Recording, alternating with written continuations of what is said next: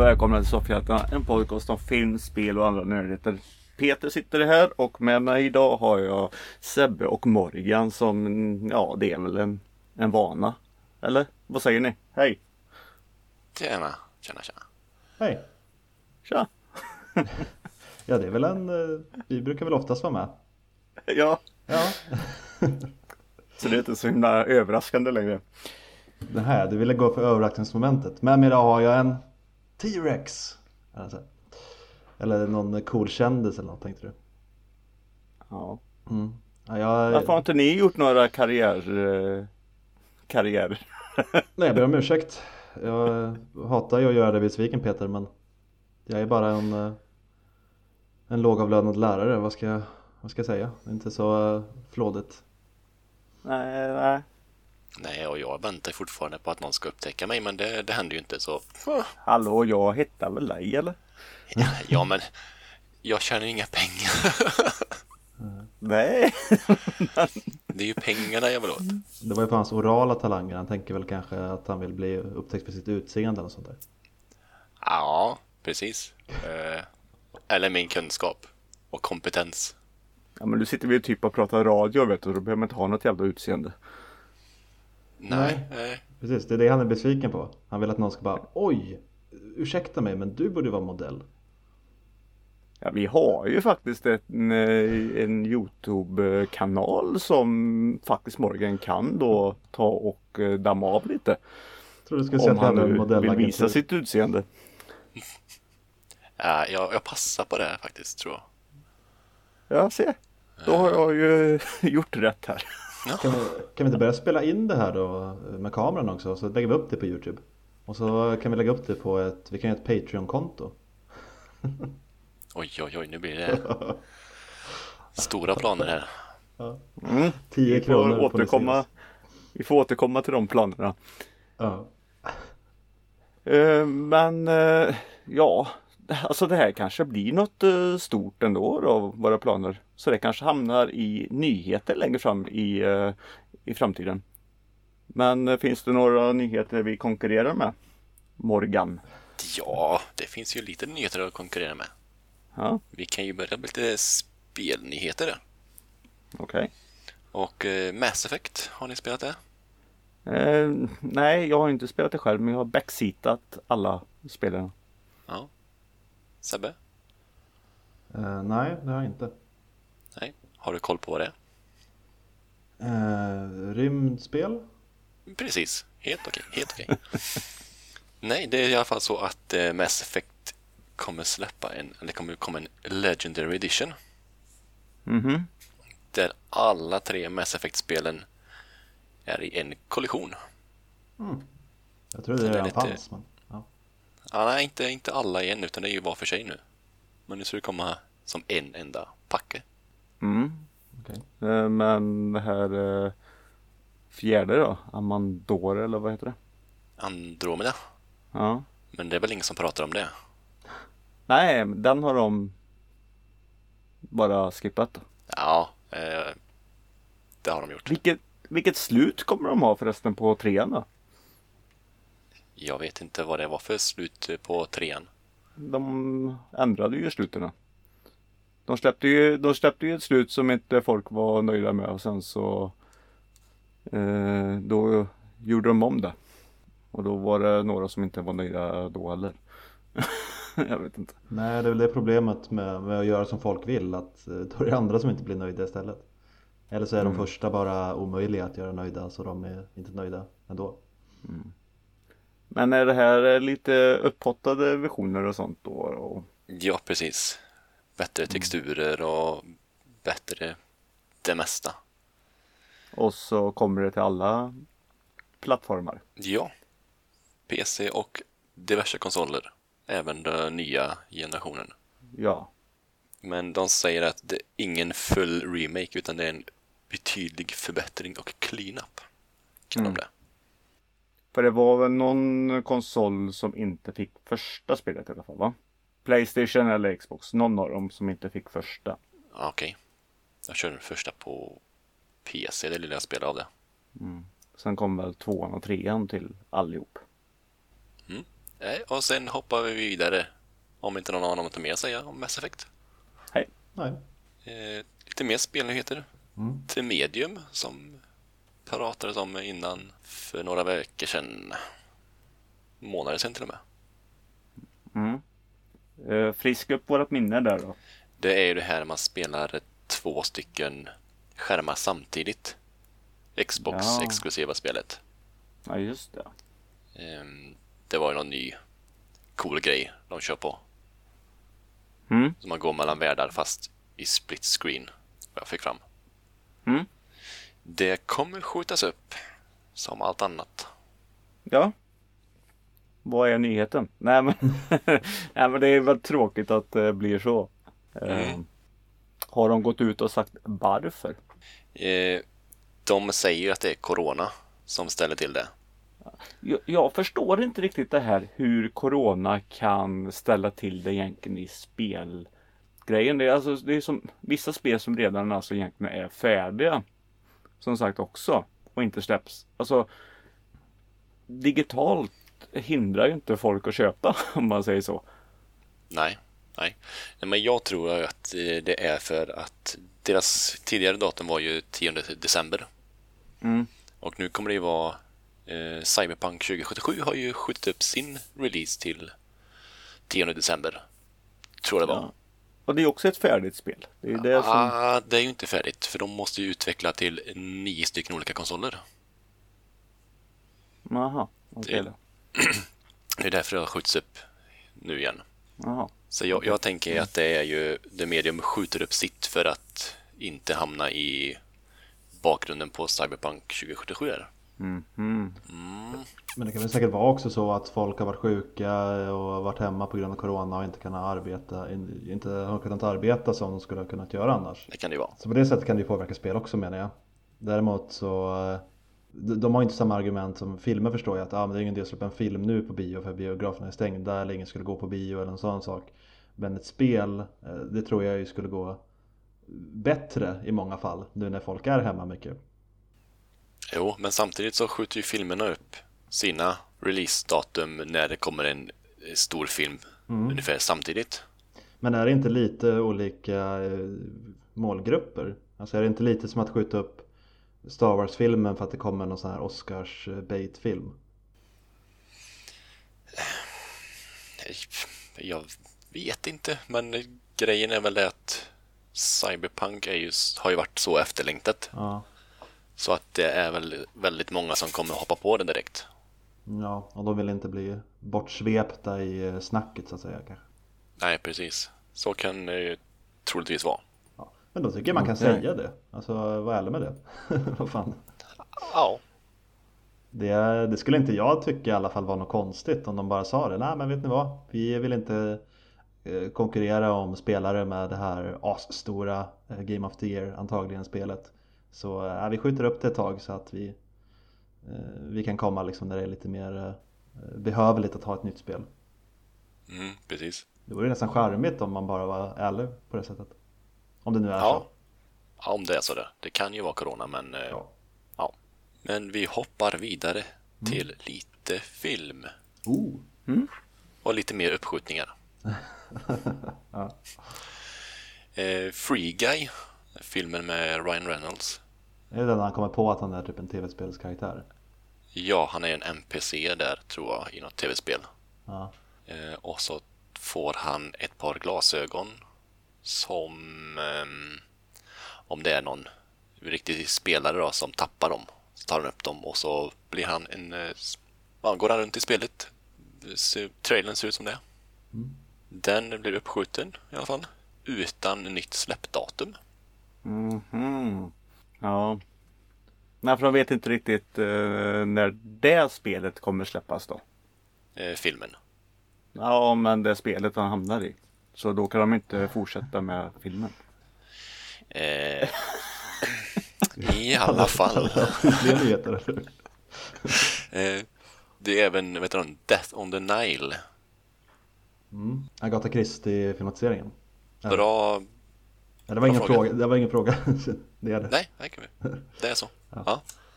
Eh, Den är också uppskjuten Mhm. eh, till, ja, obestämd framtid. Ja, Men frågan är ju då, kommer de komma på Disney Plus eller typ Free Guy? Kommer den komma på Disney Plus som typ Mulan och dem? är båda Disney-filmer. Eh, Döden på Nilen vet jag inte. Men Free Guy är, är en Disney production. Jag tror det. Jag säger ja. Okej. Och det, det räcker för mig. Jag kommer citera dig i framtiden. Ja, det får det göra. Och om någon säger emot kommer jag säga att Morgan sa ju det. Ja, ja. Nej, men vad tror ni? Tror de komma på en streamingtjänst istället eller? Tjänar de på det? Ja, det är väl nästa, ja. Alltså det, det här är ju så osäkert eh, nu i, i samhället med, med allt annat och ja, alltså streamingen, alltså släpp det där. För de får ju pengar, inte lika mycket men de får ju för, för varje titt. Så ja, kör på. Ja, och till slut så dör ju eh, basset kring filmen också. Mm. Det kommer ju så mycket storfilm nu för tiden. Så man har ett rätt litet fönster egentligen att proppa in sin storfilm. Och varför inte då på en streamingtjänst när, eh, när folk är lite sugna på lite större filmer. Eftersom man mest har eh, ja, det smalare och det äldre att eh, tillgå just nu. Ja, precis. En blockbuster, även om det skulle vara i, på en streamingtjänst, skulle nog gå rätt bra just nu tror jag. Mm, det tror jag. Men på tal om blockbusters och streamingtjänster då. Peters eh, nya favoritfilm Hubby Halloween var den mest streamade filmen på Netflix 2020 i USA i år. Oh god. Mellan april och oktober, som man säger. Ja, ja, det är ingen blockbusterproduktion riktigt dock men eh, Nej, nej. Nej, men jaha. Ja. Av alla filmer så klarade han att slå det på typ en månad. Mm. Så då räknar man totala visningar då? Ja, april till oktober. Mm. Tror det var någon film, och vad heter den? 365 dagar. Som kan ha varit nära en sån här. Ja, det visar väl i alla fall att Adam Sandler fortfarande är ett stort dragplåster åtminstone för amerikanerna. Nej men här 365 dagar du sa, det är väl han som kopplar av sig i handen va? Nej, Alltså. Är inte det? det är 27 dagar. Aha. Hade Ja, han varit fast under den här stenen i ett år så hade det nog inte gått så bra va? Nej just det. Nej men eh, 360, jag känner igen det. här. Men är det journalister där då? nej. Eh, Nej. Det handlar om en italiensk hunk i en mjukporrfilm. precis. Eller ja, det var en krönika visst, men det var det första jag fick upp om den. It's a 2020 Polish erotic romantic drama film directed by Barbara Bialowicz. Ja. Så eh, Adam Sandler och eh, polsk mjukporr. Sen om den här, den här gick så bra i USA, det vet jag inte då. Eller om den var i Polen den gick så bra. Ah, okej. Jaha. Det, här till, det här verkar vara en polsk eh, 50 Shades of Grey. Jag kollar på bilder här och det är mycket bondage. Ja, men det står ju här. Massimo kommer kidnappa henne och ge henne 365 dagar att bli förälskad i honom. What? Wait, what? Ja men du, ja men det är den, den har jag ju sett eh, reklam för och inte vågat klicka på. Vad gör han med henne om hon inte blir kär i honom? Nej. Det här var Nej jätteobehagligt. men, ja, men nu vet jag vilken eh, film det är. Jag vet ju nästa veckas läxa i alla fall. Nej, nej, nej, nej, nej, nej. Åh gud. Ja, det här var ett rabbit hole säger jag nu. Åh, ja. Vad var det vi pratade om förresten? Hubby Halloween Mest streamad på Netflix. I USA dock. i USA, ja. Ja. Precis. De som inte tittar på den än, eh, gör inte det. Så bra är den inte. Nej, alltså det, ja, det, ja. Nej, jag vet inte. Så vi lämnar den. Det gör vi. Ja. Vi kan ju eh, rulla vidare till 007. Ja, Där fick vi en nyhet i veckan nu. en bekräftelse mer. Ja, en bekräftelse, ja. Mm. att Lashana Lynch kommer att ta över rollen som 007 efter Daniel Craig i nästa film. Mm. Ja, Vad säger ni om det då? alltså det är så svårt att säga tycker jag. För, Ja. nej men, ja vi har ju följt nu men alltså, Du vill ha dina engelska män, tänker du? ja men det har ju varit det. Och sen när det blir sånt här stort byte som det faktiskt är nu. Både en eh, mörkhyad och en kvinna. Men det Mm. beror ju på, häng med mig nu här nu. Det beror ju på vad de gör egentligen för, för eh, historia på det. För som sagt eh, Bond är ju ett nummer men eh, Och det är det här jag är lite att Ska de För de här med David Craig här nu Det här är ju innan eh, Sean Connerys Bond. Det är ju en liten prequel. Okej. Och alltså när Bond blir Bond. I alla fall de första Casino Royale de här var ju det. Eller när han blir Bond i alla fall. För det här cementerar ju verkligen eh, teorin har väl varit förut om att eh, 007 bara är en siffra som du säger, ett kodnamn och inte är knutet till en viss person. Mm. Nu är inte jag så jätteinsatt i Bond-låren men jag har ju läst eh, lite så här smått om att det inte helt går ihop det heller. Så man får väl bara, man får väl bara köpa det att det är actionfilmer med en agent som heter 007. Eh, sen går det inte ihop oavsett om det är samma eller inte. Mm. Ja, eh, ja. Alltså då blir det ju på ett sätt Börjar de om igen då så blir det bra. Det här, är, det här är svårt. Det är svårt att säga när man inte har sett något. Det är som sagt, man är så Bond har ju alltid varit Bond. Alltså som, som det är. Och helt plötsligt så är det helt annorlunda. Det, det tar nog lite tid. Jag ska nog vara så tråkig att jag, jag är skeptisk faktiskt. Men jag tänker det är ganska lätt i alla Bond-filmer att de kan ju byta ut karaktärer lite hur som helst för att alla siffror och bokstäver de har är ju bara en siffra bokstav. Så Q är, Kan vara, behöver inte vara alltså, Nej, han samma heter Q. ju R nu till exempel. Eller det är ju inte, det är ju inte Q. Q är ju borta och så är det ju R. Jo, jo, men det är inget konstigt om man byter ut Q mot någon annan som heter Q, eller nu R då. Nej. Utan det blir bara en siffra eller en bokstav. Fast de kan ju inte ta bort 007. Men vad, vad är egentligen tanken? Alltså det, det är lite svårt att förstå. Alltså varför gör man ett sånt här då? Eh, ja men som Peter är inne på, väldigt stort och drastiskt byte. Ja, man, man vill ha en kvinnlig actionhjälte och det, det kan vi behöva fler av. Men eh, måste, det vara, måste det vara Bond då? Eh, skulle man kunna göra en spin-off kanske? Som ni var inne på, alltså en, en 008. Eh, liksom ja, James Bond, eh, James Bond Presents så här, och så är det en spin-off. Då har man ju name recognition grejen som eh, de vill ha. Eh, och man får en, en kvinnlig actionhjälte. Eh, jag vet inte riktigt om jag förstår liksom tänket bakom att göra just karaktären Bond till en kvinna. Du, du säger med de orden som jag eh, tänkte och menade. Eh, jag håller med dig Sebbe. Sen är inte jag så engagerad i liksom Bond så att jag skulle bli upprörd eller någonting men jag, jag bara undrar lite hur, hur resonemanget har gått. För någonstans måste de ju ändå också förstå att de kommer få jätte, jätte nu har inte jag läst om de har fått det än, men de kommer få jätte, jättemycket skit för det här. För många, det finns ju jättemånga riktiga eh, Bond hard, hards där, där ute som verkligen älskar Bond. Och de kan ju inte bli glada över ett sånt här byte. Och varför ta den risken då? Och göra det? Istället för att ja, men göra någon slags spin-off om man nu vill ha det. Nej, jag, vet, jag vet inte riktigt. Jag, jag förstår inte riktigt deras marknadsmässiga tank, tänk bakom det. Men jag är som sagt inte engagerad nog i Bond för att eh, ha någon egen åsikt egentligen. Nej, det är inte jag heller riktigt så.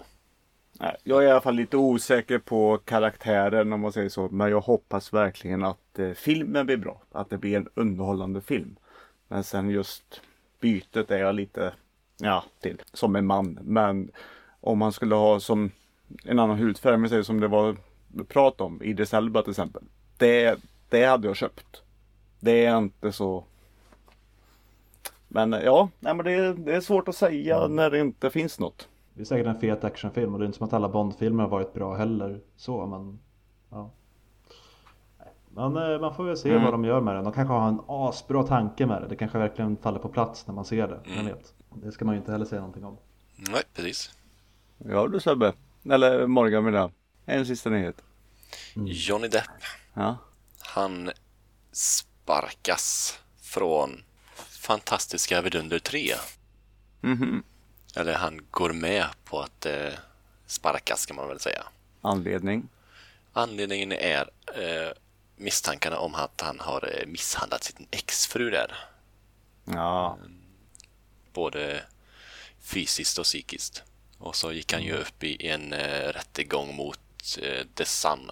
De kallar honom för wife beater i, något, i någon eh, text där. Men den, den förlorar han ju den rättegången.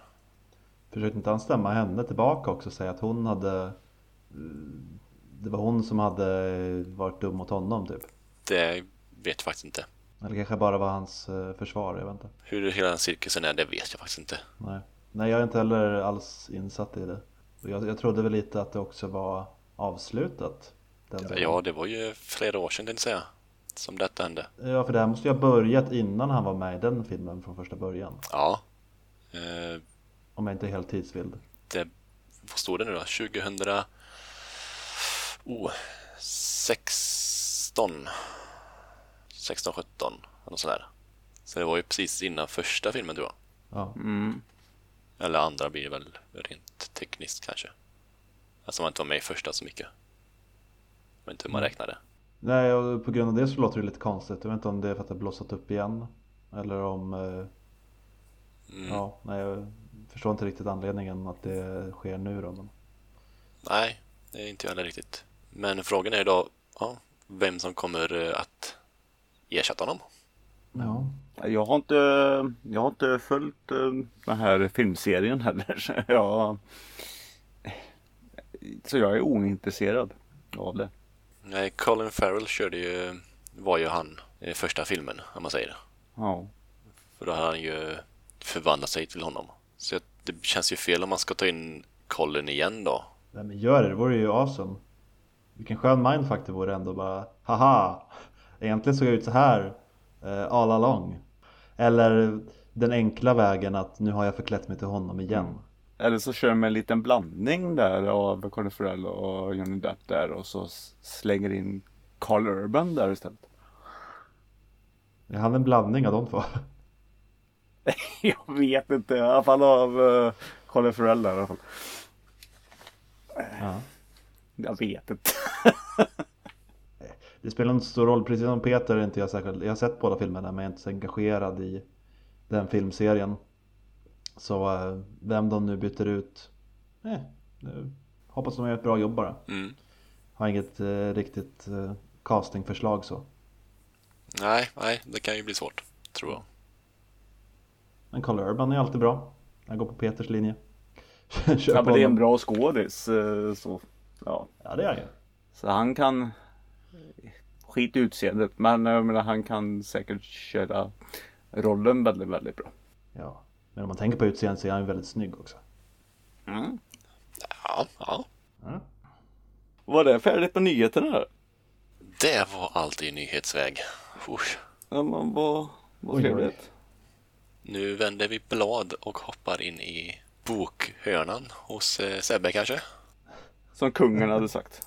Drumtsch. Som kungen hade sagt. Ja, dags att vända blad. Jaha, jag tänkte, är han känd för att läsa böcker? Han är dyslektiker. Men. Eh, Nej, man, eh, han är bra på att vända blad. ja, i sina bilderböcker. Nej, för, elakt det blev. Eh, Jag har inte, eller jag har läst böcker, men jag tänkte prata om eh, ett annat eh, media idag. Spel. Och jag vet vad det är för spel. Vet du? Mm-mm. Vad är det för spela? Vad det är för spel? Det är, det är faktiskt lite sånt där som vi sa att vi skulle lämna förra gången. Lite skräckträsket där. Men det är som sagt skräck. Ja, Det är The Dark Pictures Little Hope du har spelat. Ja, det har jag. Mm. Du räknade ut det snyggt där. Va? Nej, jag ser det på Playstation. Ja.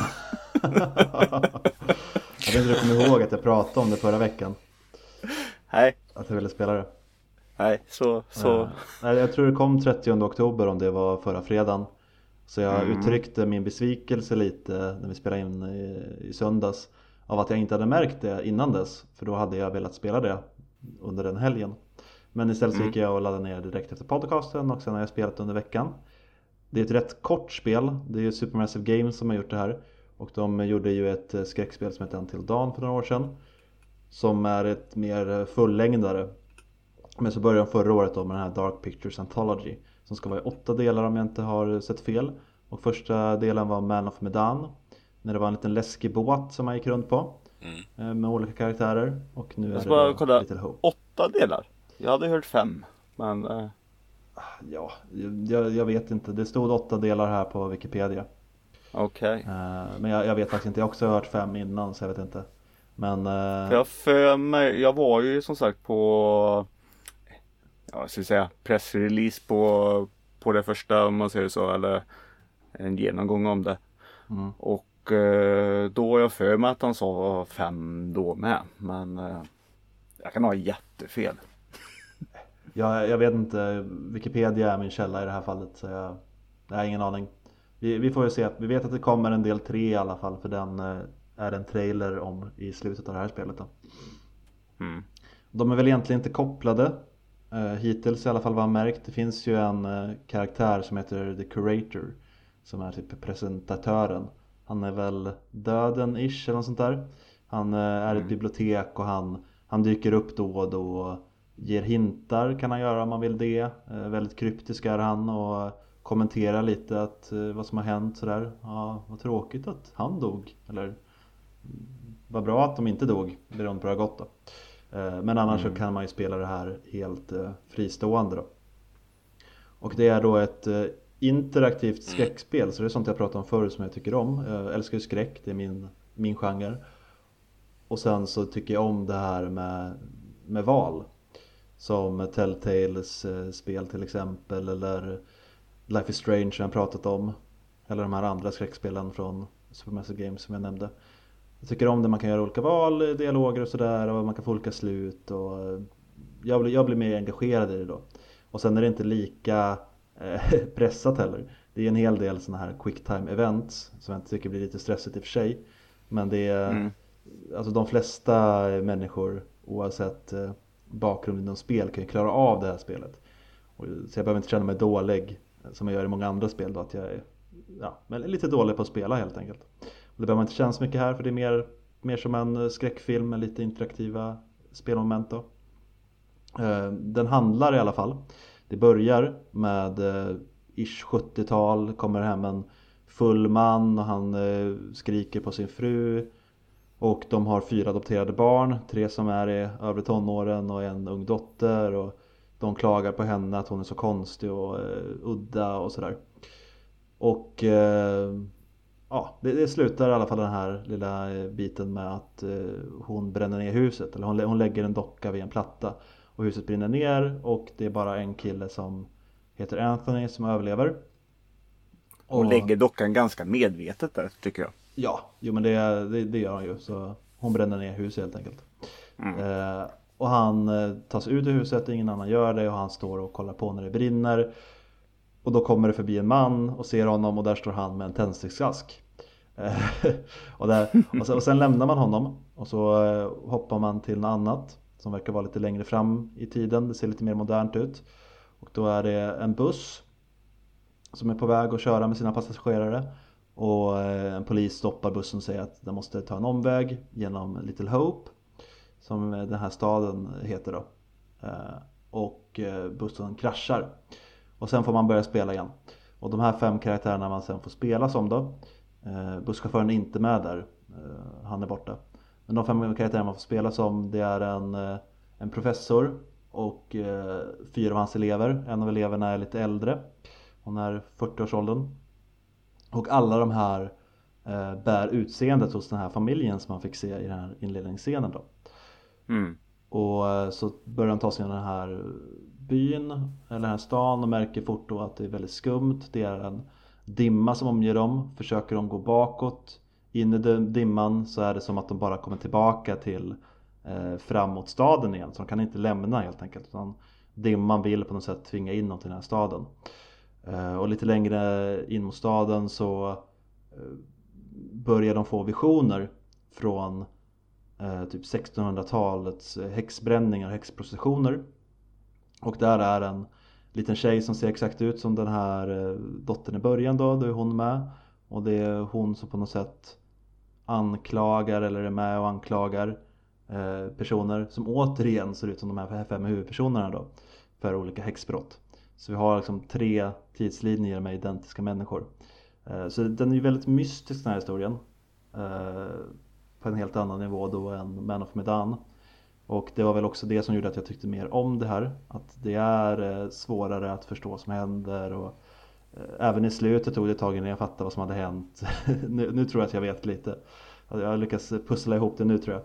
Men eh, den, den höll mig på helspänn. På det sättet i alla fall att det var ett mysterium som jag ville veta slutet på. Och eh, ja, det är svårt att prata om det utan att spoila så jag kommer inte säga något mer om handlingen. Men det är ett interaktivt skräckspel och de började då bli jagade av eh, demoner-ish saker. Och det är många sådana här eh, hoppa till skräckmoment. Och de är jag inte så imponerad av, sånt är jag inte så förtjust i. Mm. Men, men jag gillar det här eh, mer mysterieskräcken. Att vad fan är det här? Var är vi någonstans? Varför ser de ut som oss? Och när de hittar saker liksom, för det här är ju en riktig spökstad, ingen är där och det är helt förstört överallt och de hittar eh, bilder som eh, föreställer någon eh, som ser ut som dem och de bara, men det här är ju asfreaky och ja, jag gillar det. Mm. Men eh, däremot... Och vart är chauffören? Ja, var är busschauffören? Eh, de letar mm. lite efter honom också. Men däremot så är det ju också som i Man of Medan att jag inte känner att valen påverkar jättemycket. Jag känner inte något jättestort omspelningsvärde nu när jag har nått slutet. Eh, dels Nej. lite på grund av hur det slutar och dels för att jag inte känner att valen påverkar så mycket. Eh, det var väl några val jag hade gjort som påverkade en del men det, det, det, är inte den här känslan som jag vill ha att åh, om jag går tillbaka och gör så här får jag en helt annan story då för storyn är ju densamma egentligen och slutet är mm. i stort sett också detsamma fast med olika eh, outcomes så. Ja, själva storyn kommer ju knytas ihop exakt eh, som det alltid Så är det i, i många spel. Eh, men just i det här spelet eh, har jag hört att eh, om du nu skulle spela om spelet mm. och göra något helt annat, annat val än vad du gjorde först så kommer han, då kommer han ju ta en liten annan, annan vinkel. Eh, faktiskt. Eh, så på så sätt, det beror på hur du börjar. Och sen eh, skulle du köra K-op i spelet till exempel. Mm. Nej, som du spelar. Då får du ju uppleva helt olika saker. För då får du ju spela alltså som en annan karaktär under det du har sett innan. Så då blir det en annan så då är det alltså två eh, delar som går längs med varandra. Hänger ni med hur jag menar? Mm. Men är det verkligen så? För jag spelade första spelet co-op och det var ju också bara så här man turades om typ. Så det... Ja, jag har ju kollat på lite streams eh, på det här spelet här nu. Aha. Och så har det varit i kommentarerna i alla fall att oj, det här har jag ju inte sett innan. Och då är det ju tack vare att man fick se annat. Ja. Ja, det kanske är eh, små nuggets så av eh, nytt material eller, eller så. Men jag, jag väntar fortfarande på det här spelet där valen verkligen spelar mycket större roll. Alltså att det verkligen kan bli något helt annat. För det, det är ju väldigt låsta händelser annars. Sen eh, mm. kan man ju vara mer eller mindre svinig typ eller hjälpa den eller rädda den. Och det blir lite annorlunda beroende på vilka som dör och så. Jag kan säga jag, jag klarar spelet med fyra överlevare av fem. Så ja, det hade kunnat bli lite annorlunda där om flera hade dött innan dess och sådär. Men, mm. men det är något som stör mig mycket. Det är ju ofta dialogvalen så är det nästan alltid, jag komma på om det finns några undantag. Men vi säger att det är nästan alltid, ifall det är något jag glömmer. Så är det tre val, ett av dem är att vara tyst. Och sen finns det två andra val då av, av replik. Och eh, ovanför dem så står det vilken typ av typ karaktärsdrag det är. Och jag tycker väl inte alltid att det stämmer överens. Alltså ibland eh, man kollar liksom vad det är man ska säga och så säger de något helt annat känns det som. Och eh, ens tanke med det är inte alls den reaktionen som man får. Eh, Ja, men det är väl en klassiker i sådana här spel. ja, mitt favoritexempel på en sån det är fortfarande när jag spelar The Wolf Among Us, eh, Telltale-spel. Mm. Och man sitter där som eh, huvudpersonen och pratar med en karaktär som heter The Woodsman. Och så eh, har man varsitt ska- s- s- glas vid baren. Och så får man två alternativ så här. Eh, skåla eller ja, säg någonting eller glass him. Och jag hade aldrig hört uttrycket glass him så jag tänkte att det betyder typ skåla. Men då slår han honom i huvudet med glaset. Så innan dess har jag försökt så här, ah, men spela det vänligt mot honom och så här, vara schysst och bara, ah, nej men jag, jag tror inte att du är dum liksom där. Och sen mitt i allt så, så då blev ju min karaktär plötsligt en fullblodspsykopat som sitter och lugnar ner sitt offer och sen bara ah, krossar ett glas i huvudet på honom. Och vi, det var inget sånt extremt här, men det var vissa val så här, jag tänkte ah, okej men jag, jag tar det här för det här verkar ju vara det schysstaste, mest liksom vuxna att göra. Och, och så väljer jag det och gruppen bara ah du är dum i huvudet och så får man upp så här, för man får ju typ eh, bearings, alltså hur det går för en och sådär och eh, man eh, kan se hur de olika karaktärernas relationer är och ser man direkt alla karaktärer tappar liksom förtroende för den jag spelar som. Man bara, men vad fan, jag trodde jag gjorde det bra valet här. Eh, Så många sådana grejer som är lite småirriterande.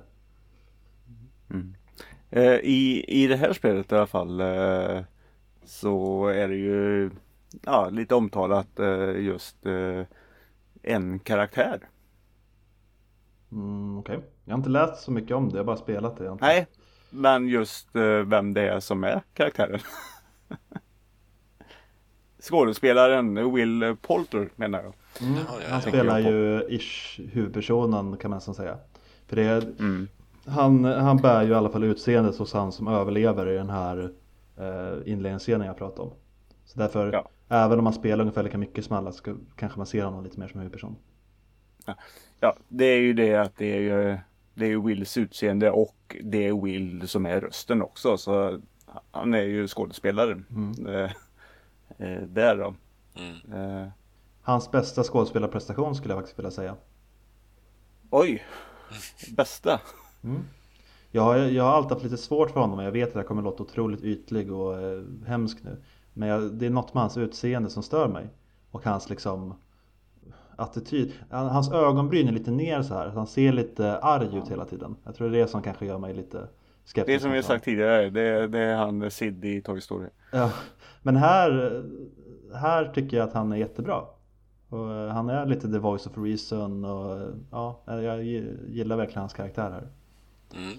Så eh, det här var nog spelet som fick mig att uppskatta honom mer som skådis. Vilket kanske låter Okej. lite konstigt, men så var det. Mm. Nu är jag eh, lite mer av ett Will Poulter-fan. Ja, ja. Okej, ja. Men det är ju inte så lätt heller kan jag tänka mig att göra röstskådespeleri. Men han, eh, han gör det väldigt bra. Alla är faktiskt bra. Alltså överlag så tycker jag att det här spelet känns mer välspelat. Alltså med röstskådespelare och sådär än Man of Medan gjorde till exempel. Och det ser aningen snyggare ut också. ja. Men han kanske har gjort eh, lite mer. Nu har de i alla fall skannat in hans eh, ansikte. Eller skannat in han i spelet. Mm. Men han kan ju säkert gjort något. Eh, att tagit på sig den här eh, tennisbollsdräkten och sprungit runt. Ja, vem vet. Så han har gjort ett riktigt skådespelarjobb. Eh, Ja men ett he- helt okej spel, det är ett rätt kort spel. Det är ungefär lika långt som Medan, mycket kortare än Until Dawn. Jag vet inte riktigt, jag, jag, jag, spredde, jag spredde ut det över fyra kvällar. Mm. Eh, Men det behöver man nog inte göra. Jag tror man kan klara av det i en sittning. Kanske mellan 5 till 8 timmar och sånt där. Beroende på hur mycket du vill utforska och eh, hur mycket du vill kolla. Jag jag gick in rätt ofta och kollade deras relationer och så där med varandra och kollade liksom ledtråd jag hade fått och så. Skiter du i det och bara liksom spelar spelet så går det ju fortare såklart. Så, men eh, det var ett helt okej spel, inget jag tror att jag kommer spela om. Kanske om jag får hem någon vän att man kan spela det här Cinema Mode, man sitter bara två och spelar. Och turas om att spela karaktärerna. Eh, skulle jag kunna tänka mig men jag kommer inte spela igenom på egen hand igen tror jag. Nej. Men du tycker i alla fall att det är en... Eh, det har inte blivit sämre än, eh, än första delen i alla fall. Jag tycker att det är bättre än första delen. Jag tycker det är mer det jag vill ha. Det är mer skräck, mer mysterium. Eh, Jag gillar båtar men det här var en coolare miljö. Det här spökstad, mycket dimma. Det tilltalar mig mer. Jag är inte jätteförtjust i häxgrejen men ja ja. Så, så är det. Så jag, jag tycker det var ett bättre spel och mer läskiga scener liksom. Och sen, jag kommer inte ihåg, jag tror inte det var så i första. Eh, Men här får du som en, en varning när, i de här quicktime eventsen som ofta styr actionscenerna. eh, Så får du som, det kommer upp en symbol om det är att du ska trycka snabbt på en knapp eller om det är att du ska eh, trycka på en viss knapp snabbt eller sådär. Eh, och det hjälper ju mig som har lite långsamma reaktioner också att jag vet att ah, okej nu, nu vet jag liksom vilken typ av grej det är de förväntar sig av mig i alla fall. Mm. Eh, Ja, och jag okej. tror inte det var det i Man of Medan. För då tror jag inte att jag hade dött så mycket som jag gjorde i Man of Medan. Här gick det ju som sagt mycket bättre. Ja, okej. Men Den ja. enda karaktären som dog var inte på grund av att jag missade ett quicktime event utan något annat. Så eh, ja, jag, jag klarade alla de viktiga quicktime eventen vilket jag aldrig brukar göra. Var det ditt val kanske? Det var, eh, man kan väl säga att jag hade valt att spela karaktären på ett visst sätt och det sättet tyckte inte spelet var ett bra sätt och därför dog den karaktären. Ja, då var det ju dina val lite där kanske. Eh, ja, Ska vi lämna det spelet nu? det kan vi göra. ja. Och gå över lite till film kanske? Mm. Ja, hade de en speciell film i tanke eller? ja, fa- nej. En ledande ja, fråga. Både ja och nej. Nej men både ja och nej. Både ja och nej. Eh, ja, jag var ju faktiskt tvungen att titta på eh, Indiana Jones eh, 3 här nu. Nu eh, när tragiska Sean, Con- Sean Connery gick bort. Mm. Eh, jag vill bara säga det att eh, åh vad den funkar än idag. Ja, Mm. ja. den filmen. Jag vill bara säga det och när eh, Sean Connery när han skjuter sönder eh, flygplanets roder. Det är fortfarande lika underhållande. Mm. Ja, jag prisade ju den filmen en del senaste gången vi spelade in. Nej, jag vill, jag vill bara säga för jag blir så himla himla glad. Mm. Men eh, som sagt, nu ska vi inte prata om det. Nu ska vi eh, faktiskt, eh, tänkte jag att vi skulle ta prata om eh, eh, en person och eh, hans hus. Hur glad Vi blev du av den? filmen Vad sa Hur du? glad blev du av den? Vi har sett uh, The His House från, Som går på Netflix Undvek du den frågan? Mm, det gjorde jag För att eh, Det var på hur du menar jag, jag Jag blir ju inte glad av filmen Det är ju ingen happy film det här Nej, det är inte riktigt. Det är kul också när du sa förut att vi skulle gå bort från det här skräckträsket och så valde du också en skräckfilm. Mm. Det var ju det jag bad om lite om ursäkt sist också. Eh, jag gillar den här filmen. Eh, om det var det du menar med glad så är det väl jag då. Nej, det var väl lite sarkastisk fråga för det är ju en otroligt deppig film. Ja, På många sätt. Sen är den lite hoppfull på eh, sina delar också. Eh, Ett fint budskap får man väl säga. Sådär. Men eh, ja, deppig. Men vad handlar det om då Peter? Så du berättar det. Ja det, det handlar egentligen om, eh, om vi säger som det är i början. Det är en familj då som eh, flyr från eh, Sydsudan och eh, från kriget där och hamnar i, eh, i London. Mm. Och så får de eh, ett hus av, av SOS. Säger. Och flyttar in där. Och själva grejen är att de har ju förlorat en, eh, ett, en dotter eh, under en båtresan. Och ja, det är det, här, den här filmen är ganska svår att eh, prata om om man inte riktigt eh, får spoila filmen. Ska vi dra en spoilercast efteråt? Nej, eh, ja, vi prata av det tänker jag. vi gör det. Vi gör det. Så efter avsnittet så gör vi en spoiler. Men jag kan säga det här, ja de förlorar dottern där i alla fall och så kommer de till huset. Men huset är eh, är ju lite hemsökt kan vi ju säga. Mm. Och, eh, det, det tar ju också på, på karaktärerna. De, eh, ja, de mår ju inte bra och då blir det ju också det här svårt att anpassa sig och de blir både bittra på varann och sånt där. Det finns ju en liten, liten grej där som vi nämner i spoiler-territoriet sen istället. Mm. Mm. Det som grep mig väldigt mycket, nu är som sagt jag har ingen erfarenhet av det, av det själv, men just att det här är flyktingar som har kommit och alltså det, det var det som jag tyckte var en stor stor grej. Alltså det kändes eh, troligt, om man säger, ganska ja, jag, jag köpte det ganska bra och jag eh, fick en tanke att just så som de kanske bemöts att det är nog väldigt många som kanske ja, som blir utsatta av det. Mm.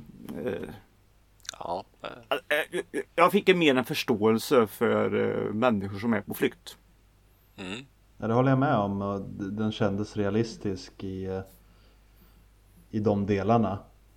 Och Mm. eh, inte så här överdrivet. Eh, ja, den delen finns säkert också. Men det hade känts mer överdrivet om alla hade varit superanti dem och så här, jätteelaka. Sen är det säkert de som råkar ut för det också.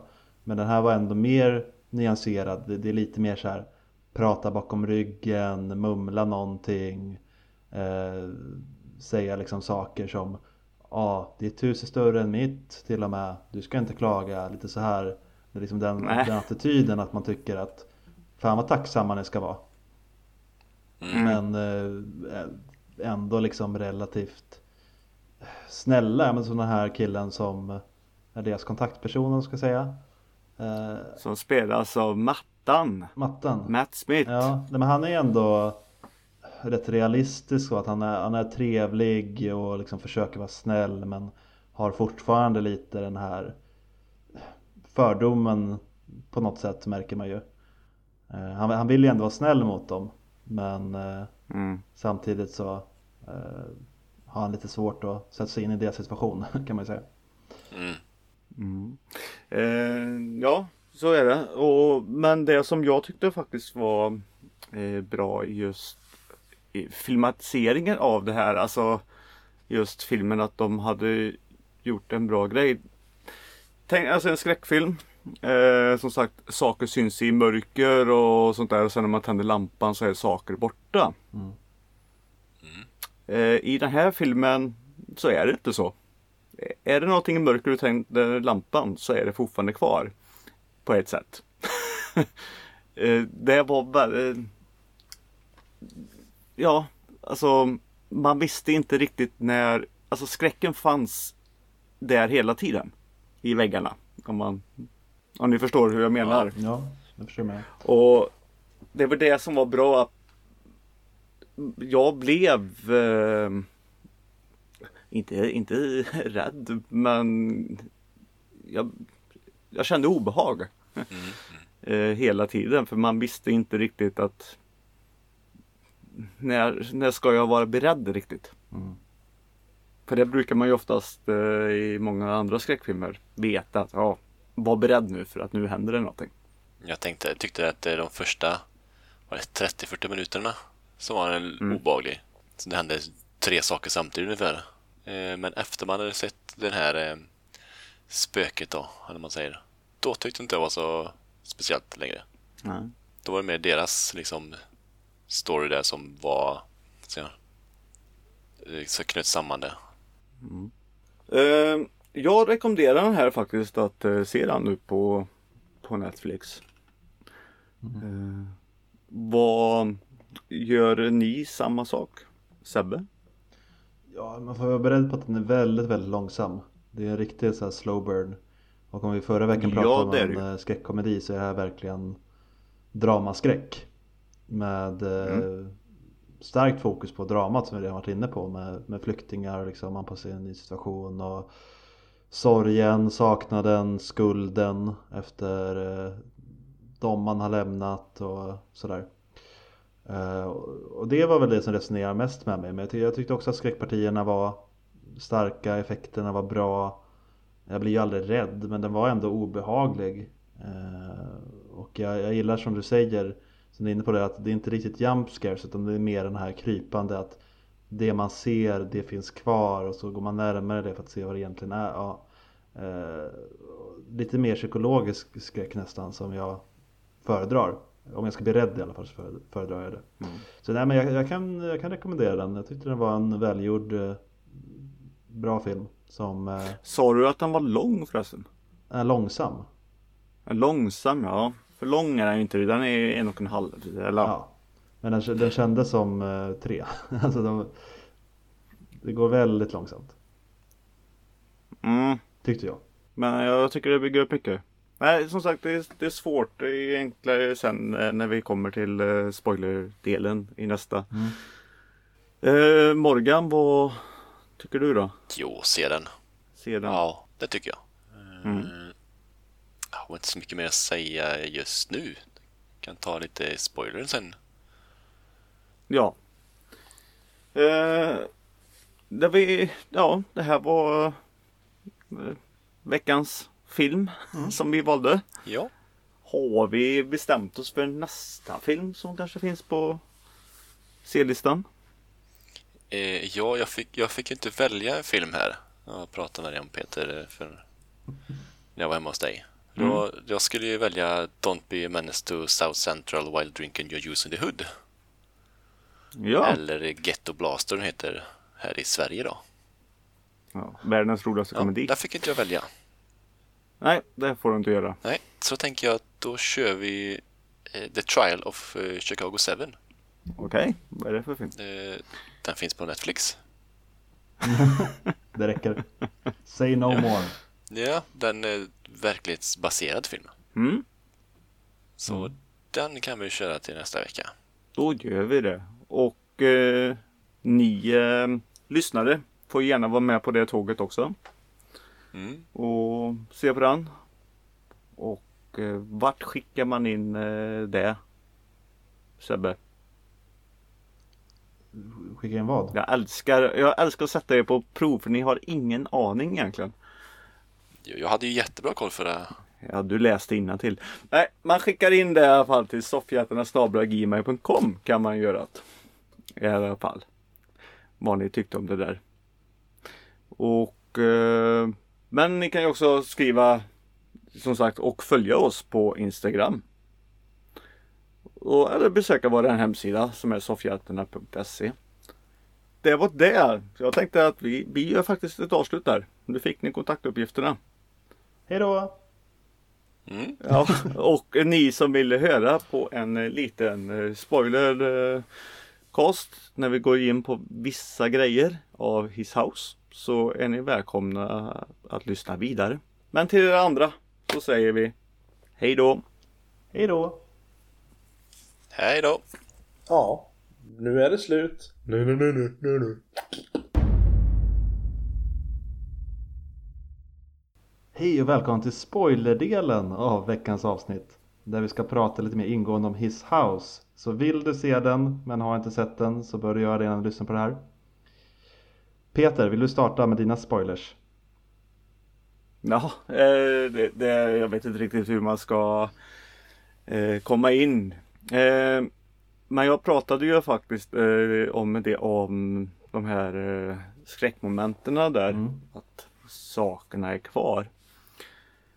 Och det var ju det som blev så himla överraskande för mig att eh, men ja, tänder lampan och helt plötsligt så är det ändå så någon som är kvar och tittar i, i väggen och sådana här saker. Eh, sådana grejer. Nu tar jag precis att ni som lyssnar nu har egentligen sett det här men det blir lite fel ändå. Eh. Alltså ni får hjälpa mig, sluta vara tysta. Ja, men vi undrar, vad, vi vill veta vad du kommer fram till. Ja, det var ju din del där. Ja, Ja. Nej, jag, jag förstår vad du menar vi- med alltså, det gör nog de som lyssnar också. Eh, om man har sett filmen eller inte sett filmen. Alltså det var precis som du beskrev det.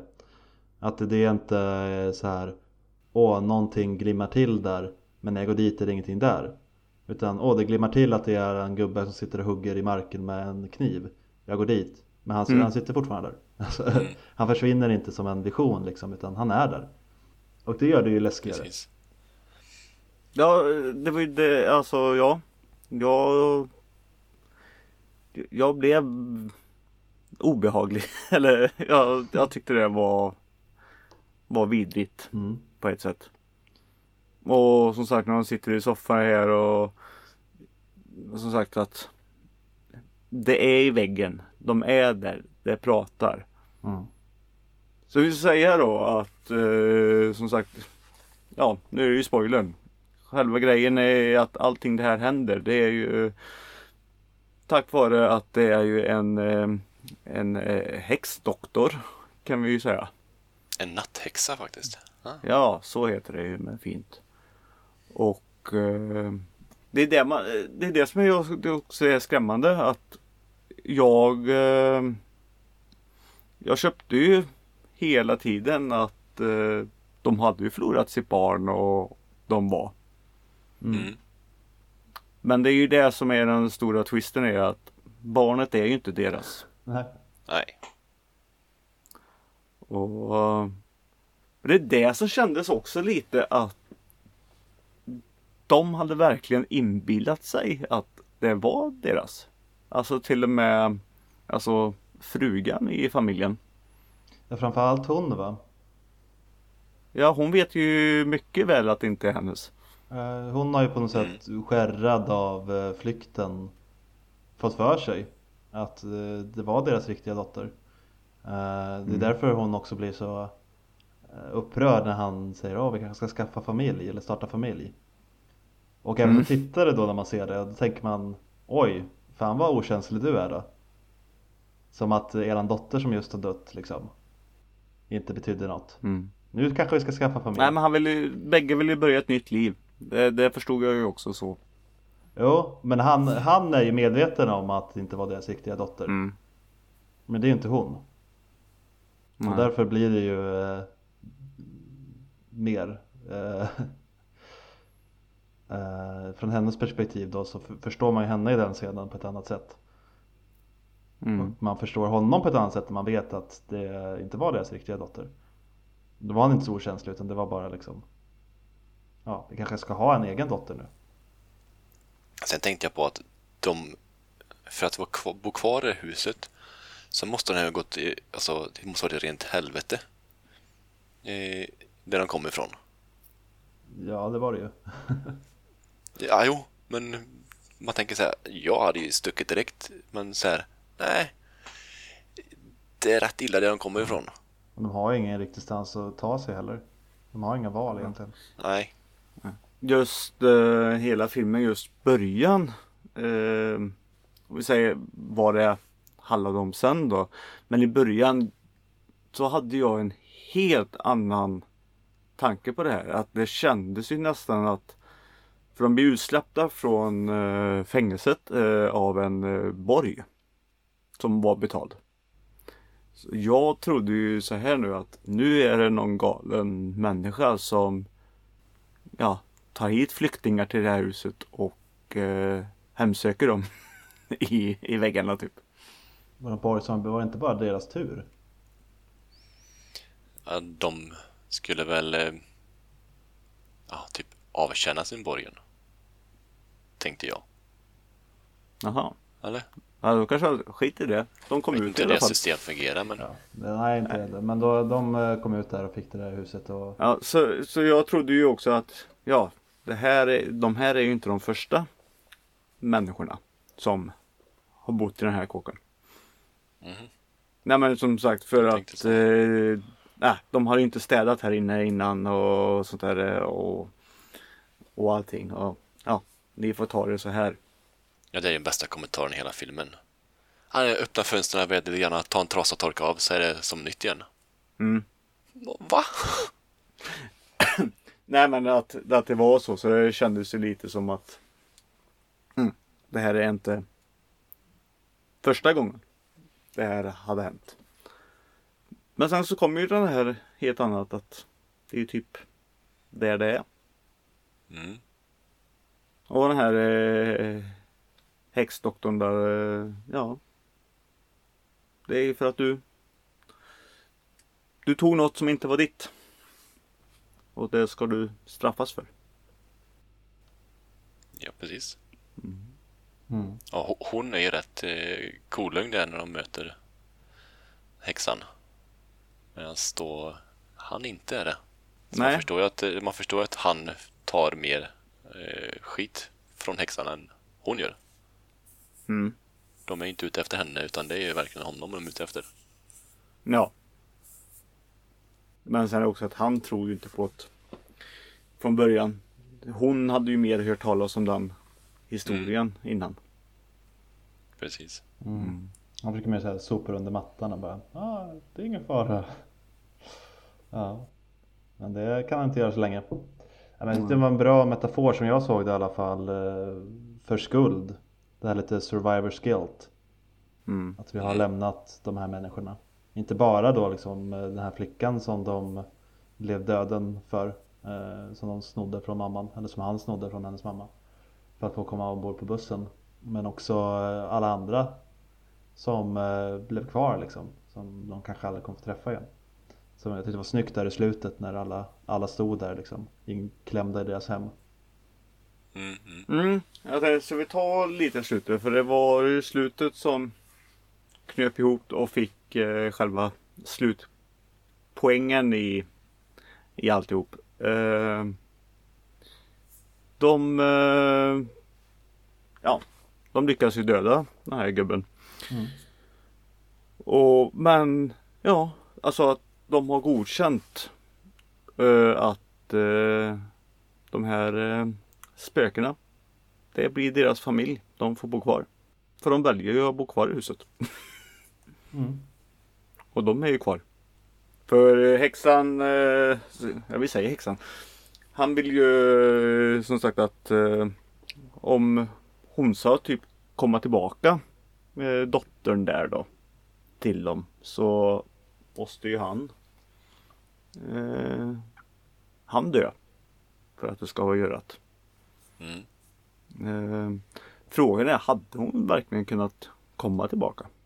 För på ett sätt så, så har de ju ändå så vunnit nu när de dödade han. Han får leva och hon är ju också kvar. Ja, som ett spöke.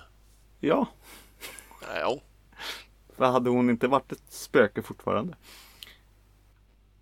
Ja, jag, jag, jag såg det inte, det kanske var jag som missförstod, men jag såg det inte som att det var alltså spöken som de egentligen hade, kunde ha kontakt med utan det var mer visuell representation av, av det hela. Att eh, de är inte de enda själarna i det här huset liksom utan de är en av många, de bär med sig alla de som, som har gått innan dem liksom. Men inte att de skulle kunna kommunicera med dem egentligen. Eller se dem ens. Utan bara, de vet att de finns runt dem. Mer som, så man kan känna liksom sina förfäders andar eller, eller en sån grej liksom. Jag, jag tolkar det inte som att de kommer vara egentligen medvetna om att eh, tjejen till exempel är där. Ja men vi har ju sett dem hela tiden. Eh, de här spökena och, de har, och hon har ju varit i väggen och sen har det kommit eh, fler och allting. Och som i slutscenen här nu som sagt när eh, Ja när, när de står där då står de ju med med alla runt oss och kollar ju Matt på dem. Men han ser ju inte dem. Och sen byter vi till deras. Då är de där. Så de ser de här spöken hela tiden. Och bara, ja men vi, vi bor kvar här. Så hela huset är, är ju fullt. Så jag blev ju Det var ju min tolkning i slutet att det här är deras eh, grej nu att de bor med alla dem nu. Och insåg det att eh, hänger ni med? Mm. Mm, mm. Ja, jag vet inte. Jag tänkte mer att de hade övervunnit sina rädslor och övervunnit sin skuld och därför kunde gå vidare. Men att eh, man, man glömmer aldrig. Utan man bär Mm. fortfarande kvar de här människorna man har lämnat eller de som har funnits innan. Man bär fortfarande kvar dem inom sig. Men man kan eh, ändå välja att gå vidare. Ja, okej. Jag tänkte, för nu bor inte de med häxan längre. Nu, Nej. bara för de dödade häxan så får de ju vara hos dem. Så tolkar jag det. Han säger ju någonting där i slutet också om eh, spökena. De, de, inte, de aldrig lämnar. Att de lever med en hela tiden. Ja. Men sen om de kan se dem eller inte. Ja, Råttorna är i alla fall borta. Ja. Asastora råttorna som har dunkat sönder väggarna. Mm. Just den scenen när han eh, eh, sitter hos mattan och säger att de vill flytta. Mm. Det tycker jag att huvudrollsinnehavaren, den manliga här, att han gör det jätte, jättebra. Det känns så himla troligt. så- För han, ja, vi har råttor. Han kan inte säga riktigt någonting vad det är för han vet ju det att eh, jag kommer ju bli inspärrad. Och fast jag säger sanningen så kommer du ju inte tro på mig. Ja. nej, men det skiter ju hon i sen. Ja, hon är lite sur. Ja, ja, ja. Jo, jo, det skiter hon i. Men... eh, Mm. Nej, jag gillade eh, den här faktiskt. Det är väl ingenting som jag kommer... Bara, åh, nu ska du se på världens bästa film här. Men... eh, Jag är väldigt intresserad att eh, se den igen. Och se om man kanske ser något annat eller får en annan tolkning av det. Mm. Om vi säger så som jag fick av filmen eh, Joker till exempel. Jag tyckte det blev en helt annan film eh, och sånt och den andra gången man såg den. Eh, Okej. Tyckte jag. Så jag har lite tankar att jag kanske fördjupar mig mer. För jag tyckte just det här att jag köpte själva den här flyktinggrejen. Skådespelarna kanske har varit på flykt eh, i verkliga livet. Och Mm. ja, och bjuder på det att eh, visa oss det. Alltså de, de var flyktingar till ett annat. Det, det kändes så troligt. Det är svårt att beskriva det där men det var en känsla jag fick i alla fall. Han var väldigt duktiga. Mm. Ja, det är de här små detaljerna. Det, det är ju lite sånt där som jag... Finns det någon bra detalj i, i en film som jag har tydligen jättesvårt att eh, förklara. Då älskar jag det här. Mm. Så ja. Men är det en detalj som jag inte tycker om. Då är, då är det hela filmen skit. Precis, det går båda vägarna. Mm. Det går- gör det faktiskt det. Men eftersom det bara är detaljer, alltså små saker, då kan ju en film innehålla både och. Mm. Finns det någon sån film? Det gör det säkert. Du kan inte ställa sånt här i bara Nej, jag tänkte att du kanske hade någon på lur. Det är bara att den där jävla filmen, jag hatar den för den här detaljen men jag älskar den här detaljen. Nej. Hade ni någon favoritgrej eh, grej i den här filmen förresten? Nej, inte sådär eh, alltså, som stack ut så. Jag tyckte det jag har lyft liksom var, var bra men det var ingen så här specifik liten grej jag kan peka på och säga det, det där var exceptionellt. Utan, ja, I sin helhet så tyckte jag det var en bra film. Mm. Mm. Ni var nöjda med mitt val i alla fall. Jo då, Ja, det var bra val. Ja, det var bra också att det inte var liksom så här som de 30-40 första minuterna där för då hade det blivit jobbigt att se den tycker jag. Mm. För den kändes ju mer skräckig i början Mm. än sen. För det var ju också det att filmen heter His House och jag köpte ju inte heller att, eller trodde inte heller att det, ja, det skulle vara hans hus. Alltså, vem är det som bor här? Alltså det blir ju sån här klassisk skräckfilm. Alltså de flyttar in i en kåk men, ja, men vad heter, vad heter det? American Horror Story ungefär. Att det kunde varit ett sånt avsnitt ungefär, eller en, en sån film. Ja, man tänker typ det med kråkan som flyger ut där. Mm. Den var jag inte beredd på överhuvudtaget. Utan jag såg ju bara hon som låg bakom honom där. Ja. Och så vände han sig om. Och så ingenting. Och så vände han tillbaka så kommer kråk. Men det var också en sån scen att det såg jag ju och tänkte inte på att, eh, att det var hon om man säger så. Så, så, så det kändes ju också mer att här är ju en person som är kvar från det som har hänt tidigare i det här huset. Jaha, du tänkte så. Ja, alltså halva den här filmen trodde jag var en helt annan film. Tills allt det här kom till att ja, orsaken är ju deras egna fel att det är. Och att det här är en helt vanlig kåk. Och att det är det är ingen annan. Han ska bli herre i huset. Det här är hans hus. Fan, jag bor här. De kan inte skrämma iväg mig härifrån. Då blir det ju Då blir det en helt annan film när allt det där kom fram. Så det är väl därför jag tycker om den här så rätt så, rätt så mycket faktiskt. Ja, du verkar Ja. väldigt nöjd. Jag är jättenöjd. Bra. Ja, känner vi oss eh, nöjda med spoilersnacket där? Det gör vi. Alltså Ja. spoilersnack och spoilersnack. Det var bara att det är vissa Just själva detaljen att eh, de har snott en dotter. Eh, den kan, ja. Eh, den kunde man inte sagt där. För jag tycker att man inte ska veta om det när man går in och ser filmen. Nej, Nej det är ju en eh, twist. Mm. Men med det då så avslutar vi eh, det här snacket. Det gör vi. Mm. Ja. Ja. Hej då igen. Hej då igen och tack att ni lyssnar på det här. Men har ni någonting att säga till om så får ni skicka in det till soffhjältarna.gmail.com i alla fall. Ja. För det skulle, jag skulle uppskatta att höra vad, vad ni tycker. Mm. Ni lyssnare. Så. Hej! Oh, yeah.